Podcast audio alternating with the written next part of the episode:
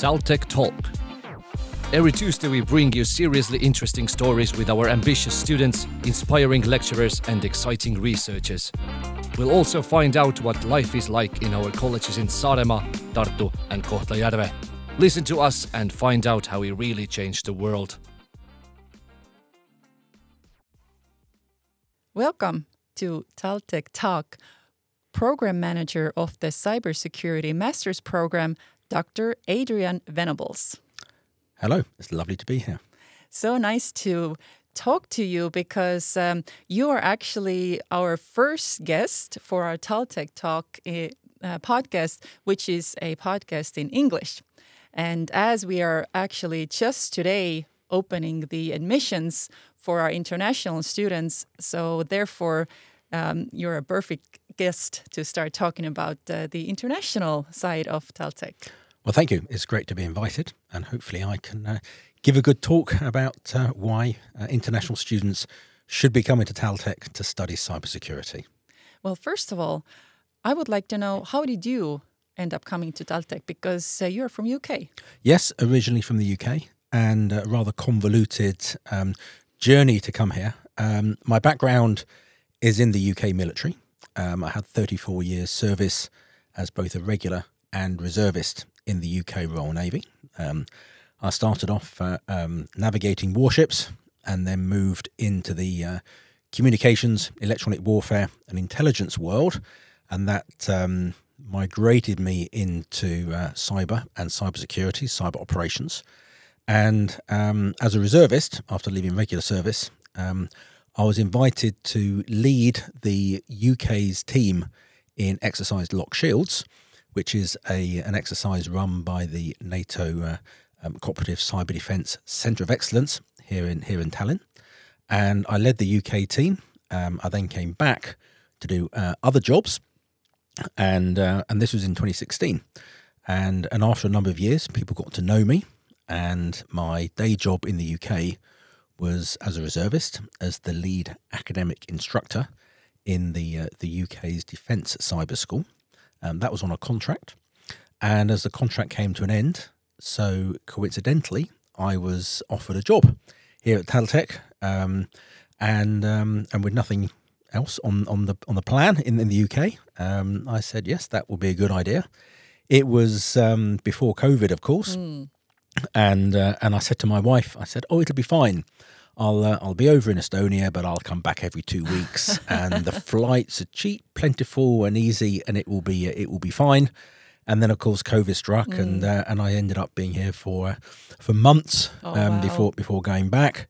Um, but um, what is um, very surprising when I think about it is that um, I've been here for five years permanently living and working and and I think, well, where has that uh, time gone? Clearly, I've enjoyed it because the time has absolutely flown by.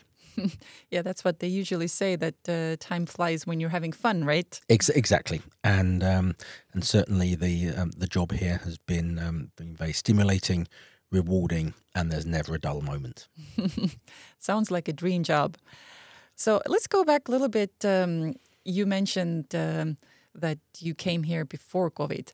Um, and um, how, what was your first impression of Estonia? Well, it's um, amusing, really, because um, this was at the time um, when um, really there wasn't much of a UK presence in Estonia.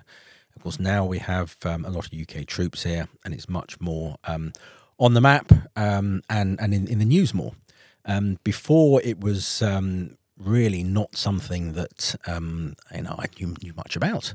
And of course, growing up um, during the Cold War, Estonia was just um, the, the, vast area of Eastern Europe that was coloured red under USSR.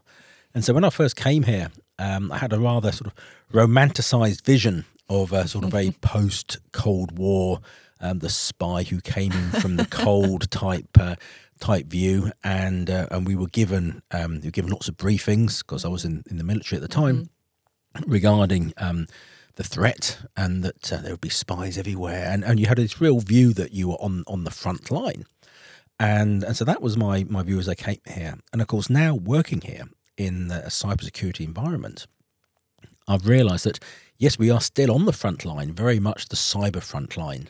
And so, uh, so this brings into focus the fact that um, that as we, we teach our students cybersecurity, that there's a very real application of what we're what we're teaching them, and uh, and they're going away with um, with very real skills taught by uh, instructors who um, who have had very real world experience of um, of cyber attacks and cyber operations. So from uh, first arriving, seeing myself in a sort of post uh, Cold War front line, I'm now in the uh, in the cyber front line, and um, and so a slight slight difference, but still um, a, a, very very stimulating and rewarding environment in which to work. Mm-hmm. And uh, your experiences uh, in Taltech, because uh, Taltech is actually one of the most international universities in Estonia, as 10% uh, of the student body is international, and we have uh, students from nearly 100 different countries. How has your experience been, and how much have you been involved with the different uh, people from different countries here at Taltech? Well, very much so, because um, unfortunately the, the, Estonian population is not uh, is not big enough to um, to populate the entire university, and so um, so foreign students are, are really important um, to to keep the university as a uh, as a as a vibrant um, establishment and organisation. But from my my own perspective, um, foreign students bring a very um, different perspective of the world. Um, we live in a very sort of NATO centric, very EU focused society, and yet the um, the global population is actually much bigger than that, and so it's um, it's a very rewarding experience talking to um, foreign students of their perspectives on how they view the world. And, and one of the key areas that I teach is international relations and strategic communications within the context of cybersecurity. And uh, with my own background working in, in the intelligence community, you have to be able to understand your adversary's perspective. And so by talking to people who come from other parts of the world, um, they may not view the world in the same way that we do. And and it's um, it's interesting the number of uh, the number of students when I say, well, who are the main adversaries in in the world? And of course, I'm thinking from a, a NATO perspective. But of course, students may come up with all sorts of other answers, mm-hmm. which um, I would say, well, no, they're our allies, and they say, well, no, not from not from where we are, mm-hmm. and and so that um, that mutual communication and understanding increases overall um, student awareness. Um, certainly helps me, but also, of course, much of the uh, the conflict in the world is through um, misunderstanding and lack of communication. And so being able to freely interact and communicate in a in a safe safe environment where everybody knows that um, it doesn't really matter um, what they say, it won't be taken the wrong way, so long as it's not intended to cause offence, that actually it improves overall understanding of um, of the global situation. And I think everybody benefits from that. Yes, definitely. I believe that um, having uh, international uh, community to be studying with, as I just recently also graduated in um, MBA program in uh, in Taltech. That was also an international program, and we uh, had uh, people from different countries as well. And um, and I believe that, uh, as you said, that it really is really eye opening for Estonians uh, who who get to study uh, with people from other countries and vice versa. Yes, and uh, and of course, from, from, my own perspective, with um, English as the common language of um, of tuition within these international programs, um, being a, a, native English speaker is um, is great and easy for me. However, um, I don't think it's um, it's quite such an enjoyable experience for my uh, my students as um, as I demand a very high standard of written and spoken English, and there's never any doubt of what's uh, what's correct and what isn't because um, I tend to be um, be fairly fairly strict on on this aspect, which it has to be because if we're all communicating um, in you know, many different languages at home, but all mutually communicating in English then um, our comprehension and understanding of what we're saying has to leave no room for error. Yes, uh, that that's definitely true. Uh, do you have any um, experiences that you can share that you can think of uh, where you have seen the uh, the this international uh, community uh, benefits from your from your classes, for example? Um, well, one one example was uh, was very much a case of um, an international group of students who had a very different perspective of what NATO was to how we view NATO. Um, within um, within Europe and within the NATO community, we see NATO as a uh, as a defensive organisation, and yet um, yet other nations um, they see NATO um, more more aggressively, uh, and this is partly due to um, Russian disinformation, and and of course we control this uh, and we're able to monitor it, but other countries um, which are targeted by by Russia in particular. Um, Russia projects NATO as being a, a an aggressive, expansionist, sort of dangerous organisation, and so sometimes our students come with that attitude, um, and and so that's a really good opportunity for them to discuss um, how they have these views, where they learnt these views, and um, and present the NATO perspective. And so when people come from different opposing political and geographical environments, being able to um, to debate and, and explain. Um, and I'm I always have the the the argument. I always state, say to my students, and I'm really sort of firm in emphasising this point. I don't teach them um, what to think. Um, I don't really teach them how to think, but I just teach them to think. and so, essentially, questioning everything. Mm-hmm. You know, so so if a student goes away, perhaps much much less certain about things, then um, I've achieved my my job. because so often um, students are taught what to believe at school, in their own countries, in their own cultures, and so they come with these certainties.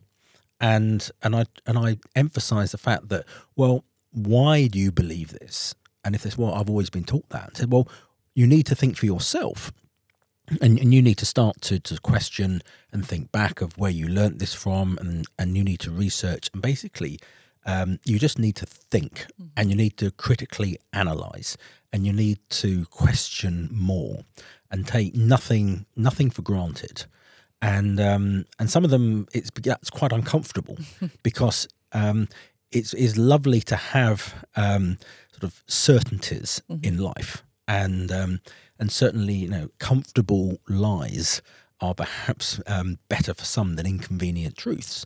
And so this is you know the joy of working in a university where um, where students come here, um, they research, they understand, they think, they discuss, and and although there is an element of education, they should go away as as better, more rounded individuals and able to approach certainly what they've done in the past, and looking at the world in the future in a slightly different environment.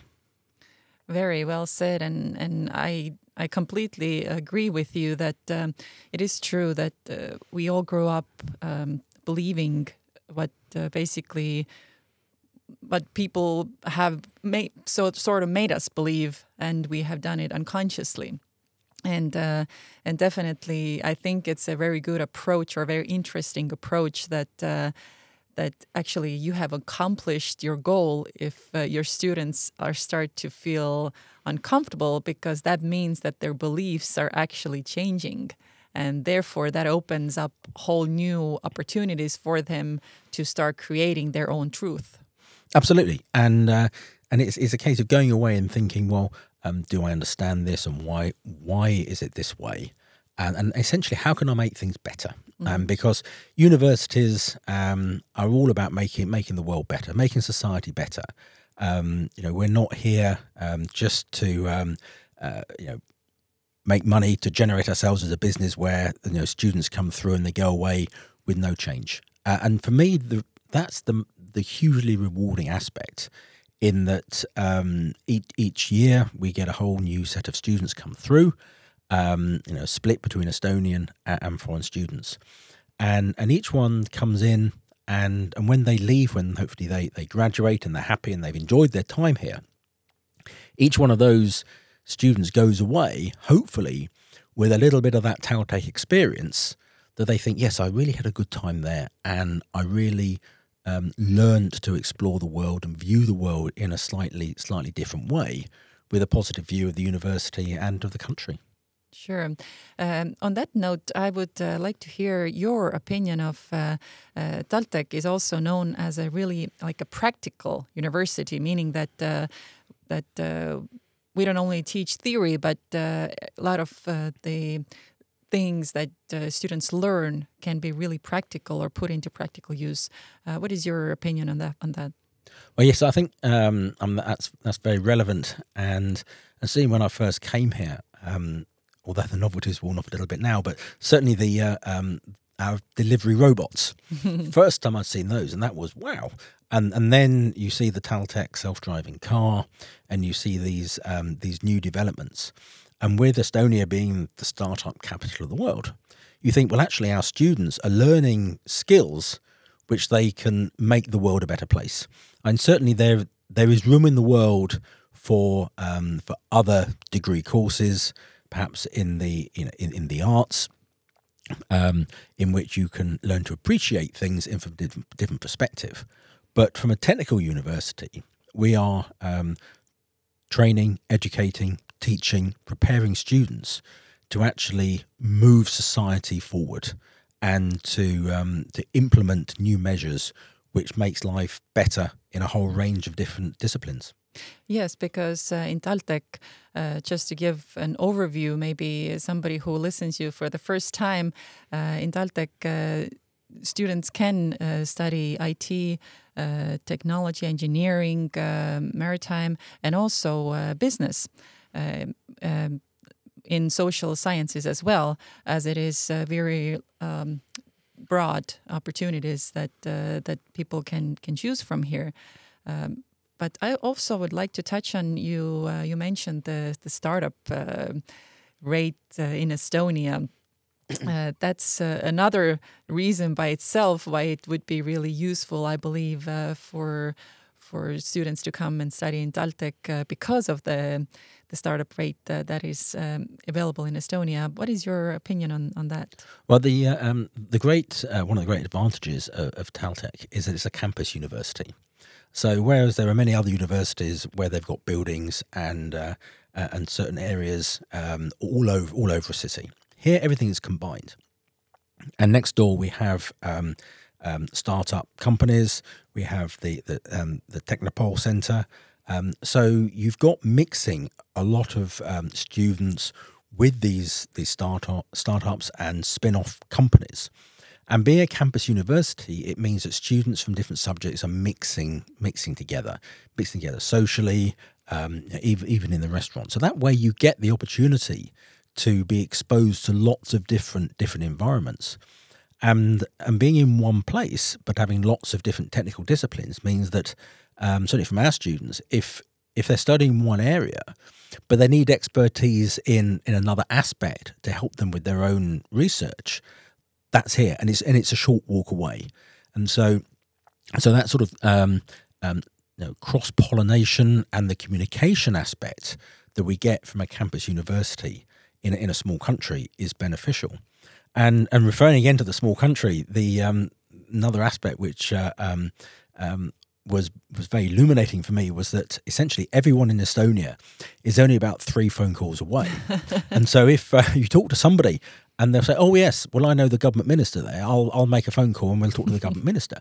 And so that that ability to go from the very bottom to the very top very quickly is um, is something that you just don't get in a, in a larger and more bureaucratic country. Mm, yeah, that's a good point.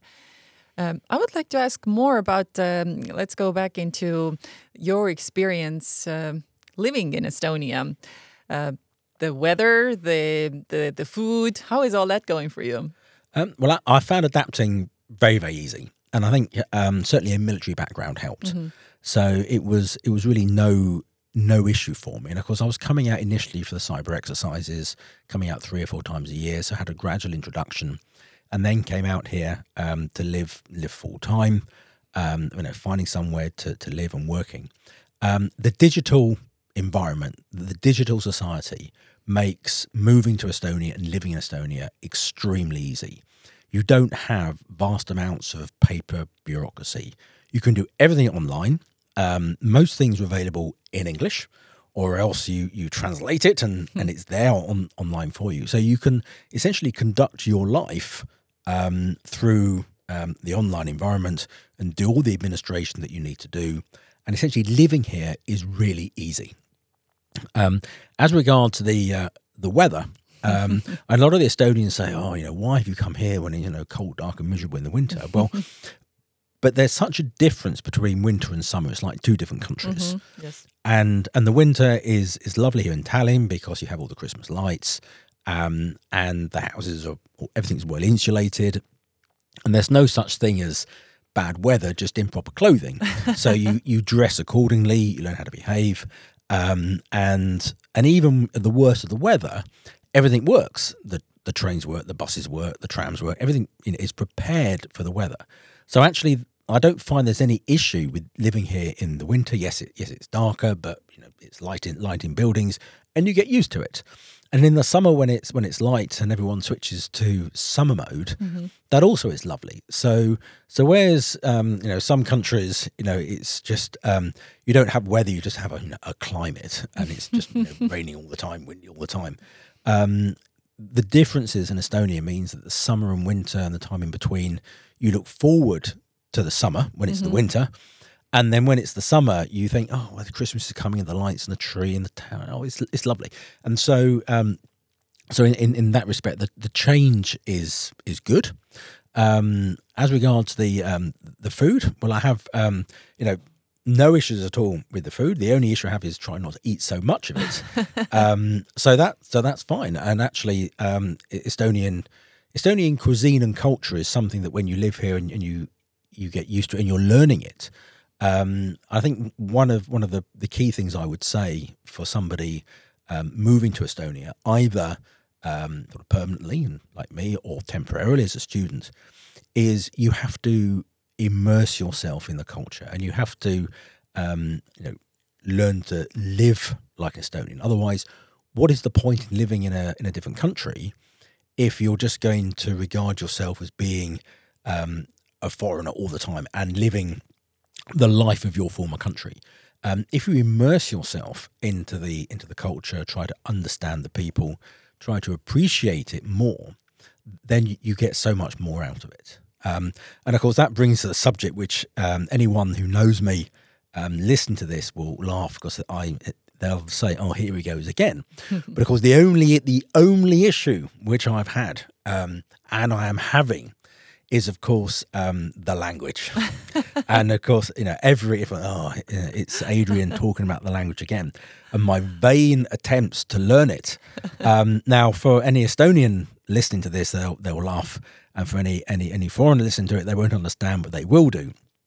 In that, when you're trying to learn the language, there is what I call the um, the Estonian random grammar generator, in that the grammar ch- seems to change unpredictably and randomly, which is Estonia's um, Estonia's secret. And I, and I don't know how it is, but somehow Estonians seem to manage it. But um, as the T-shirt says, um, it is your superpower of being able to uh, to appreciate and learn learn the language. And uh, and from my perspective, I'm I'm trying but um, what I would say is, if you're trying to learn another language, don't do it in your 50s. Do it in your teens and 20s. It does get so much harder as you get older.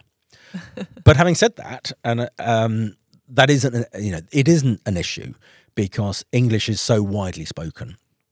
And uh, another funny story that I have is that I do make the best attempt to speak Estonian all the time, um, except that um, when I'm speaking with such a bad Estonian accent, usually the person I'm talking to immediately understands that I'm not a native Estonian speaker, and so will then speak back to me in English.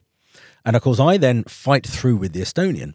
and uh, and my son Jacob, when when he was here on holiday with me, he said, Dad, why is it that you talk in Estonian to them and they speak English back to you? I said, Well, that is that is the challenge of being here. So, so if you're thinking of coming here to live or study, don't let the language put you off, um, because um, English is very widely spoken. But what it does mean is that um, you will never ever be bored if you're trying to learn it, because when you sit down and you think, "Oh, now what should I do now?" There's always that Estonian textbook that's sitting there thinking, you must look at me because otherwise you will never get it. that is a really good story. Thank you so much for sharing it. And it is actually true because uh, my husband is an American, and the same thing um, he has experienced that um, that because uh, Estonians speak such a good English and uh, they feel really comfortable speaking English to other people outside of Estonia. So for them, it's uh, it's not a problem at all if they see that the actual person who is trying to speak Estonian is is actually not Estonian.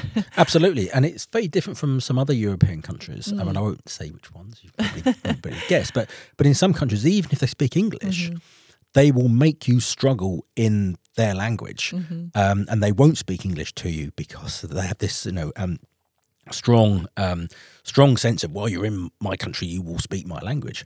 But that isn't here, mm-hmm. and people are very comfortable and have no issues with speaking English to you, because I think a lot of Estonians realise that um, their language is is difficult, and your language is. Um, um, is only spoken by by a small small number number of people, only you know one one million, whatever. So it's um, you know, the the language element is probably easier, even though the language is harder. It may well be easier for a native English speaker or somebody who speaks English as a second language to be here than to be perhaps in another European country where you would then have to learn, um, as well as your own language and English, you would then have to learn another language hmm. of where you are. You can quite happily live in Estonia speaking your mother tongue and English. Mm -hmm. Yes. And um, to wrap up today's um, episode, what would be your last or final thoughts that you would like to leave with about um, why would somebody uh, consider or why would somebody attend TalTech out of Estonia? Out of Estonia? Uh, I think TalTech offers a offers a huge amount, uh, and it's more than just the university. Yes, you can go to universities all over Europe, um, all over the world, and, and you can study similar subjects. Um, advantage is um, um, certainly the the English and the fact that so many courses are taught in English. It's a campus university. Um, it's on the on the edge of the city. It's it's close by. Transport links um, are very good. Um, there's a, um, a vibrant student population. There's a large number of um, international members of staff that give a wide perspective. But also, you've got to think that um, TalTech is in is in Estonia, and Estonia is a, is a beautiful country. Um, half the country is covered with forest, um, amazing wildlife, um, and the university experience, experience of living and, working here, is more than just a university. It's is is the wider country, and and there's so much more to experience when once you get out of Tallinn um, I'm always told off by uh, my Estonian friends saying, well, you don't really know Estonia because you only know Tallinn. You need to get out more. And that and that's very and that's very very true. So the opportunity to um, to travel and see more of Estonia, but also of course you go to the north. You've then got um, Finland, Sweden, Norway.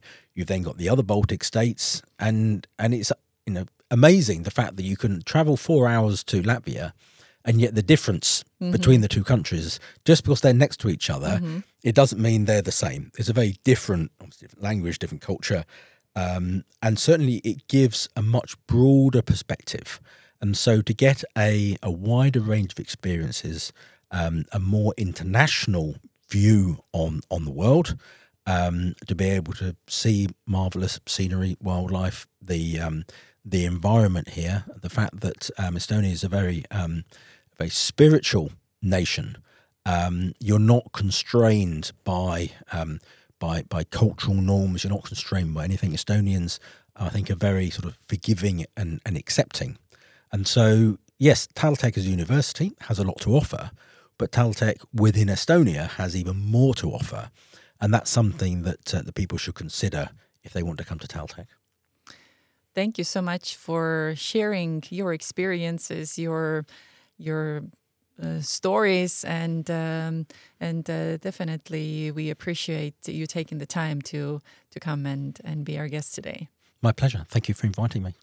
And um, anyone who wants to know more about uh, the uh, TalTech um, admissions, then uh, you can check it out at taltech.ee. uh, dash uh, admissions, and I will also put the uh, address in the description so you can easily find it from there as well. So thank you so much for listening us, and um, we will talk to you soon again. TalTech Talk. Seriously interesting. Every Tuesday at Spotify and SoundCloud.